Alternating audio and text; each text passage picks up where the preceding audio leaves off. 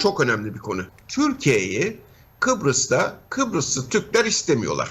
Hakikaten satılmış adam her yerde fazla. Ben ne Türk'üm, ben ne Rum'um, ben Kıbrıslıyım sloganları vardır. Bu Türkiye'yi hiç bağlamaz. Neden bağlamaz? Kıbrıs için Türkiye 50 yıldır bedel ödüyor değil mi? 63'e gidersek 60 yıldır bedel ödüyor. Şimdi 60 yıldır bedel ödeyen bir devletiz biz. Türkiye'yi istemiyorlar. Benim için hiçbir şey fark etmez. Ben koskoca Türkiye Cumhuriyeti Devleti olarak, Türk milleti olarak ambargolara maruz kaldım mı? Can verdim mi? Şehitler verdim mi? 250 yok Gaziler şey verdim mi? Ben ekonomik yaptırımlara maruz kaldım mı? Ben bunun mücadelesini verdim mi? İstediği kadar oradakilerin he, isterse hepsi istemesin. Türkiye için hiçbir şey fark etmez.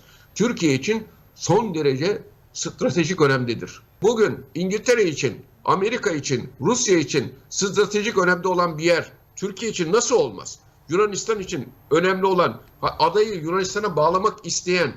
Şimdi bir de şu konuyu açıklığa kavuşturmamız lazım. 1914'te Birinci Dünya Savaşı başlangıcında resmen ilhak ettim ben adayı diyor İngiltere. 1923 Lozan Anlaşması'nda ise imza altına alınarak İngiltere'ye ait olduğu söyleniyor. Şimdi bizim burada adada bir söz hakkımız var mı? 1950 yılında bu referandum yapılınca adanın Yunanistan'a bağlanması kararı çıkıyor. Bizimkiler aslında pek ilgilenmiyorlar. Aslında Türkiye'nin bir Kıbrıs sorunu yok. Ada zaten 1878'den beri verilmiş diyorlar. Olaylarla alakaları yok aslında. Olaya dahil olmamız İngilizlerin bize hatırlatmasıyla. Neyi hatırlatmasıyla? Atatürk'ün büyük dehasını hatırlatmasıyla Lozan'daki. Lozan'ın 16. maddesinin son paragrafı mealen şunu söyler. Atatürk bunu o kadar bastıra bastıra son cümleyi yazdırmak için uğraşmıştır ki hatta bu yüzden görüşmeler inkıtaya uğramıştır. Sevr'in 132. maddesi tam feragat içerirdi. Her şeyden vazgeçtim diyor Türkiye Cumhuriyeti Devleti.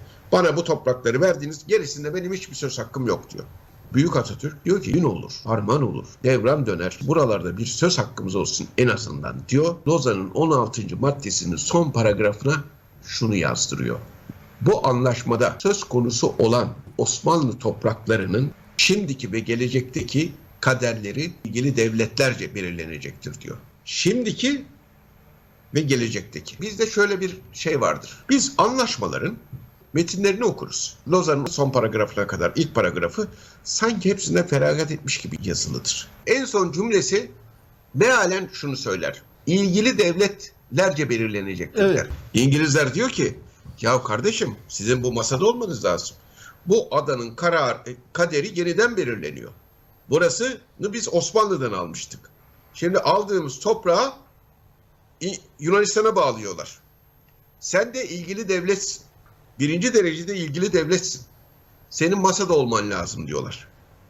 Ve biz Londra Zürih anlaşmaları masasına Lozan'ın 16. maddesinin son paragrafı gereğince oturuyoruz. Bundan sonra Kıbrıs adasında ne olursa olsun Türkiye masada olacaktır. İster istesinler, ister istemesinler.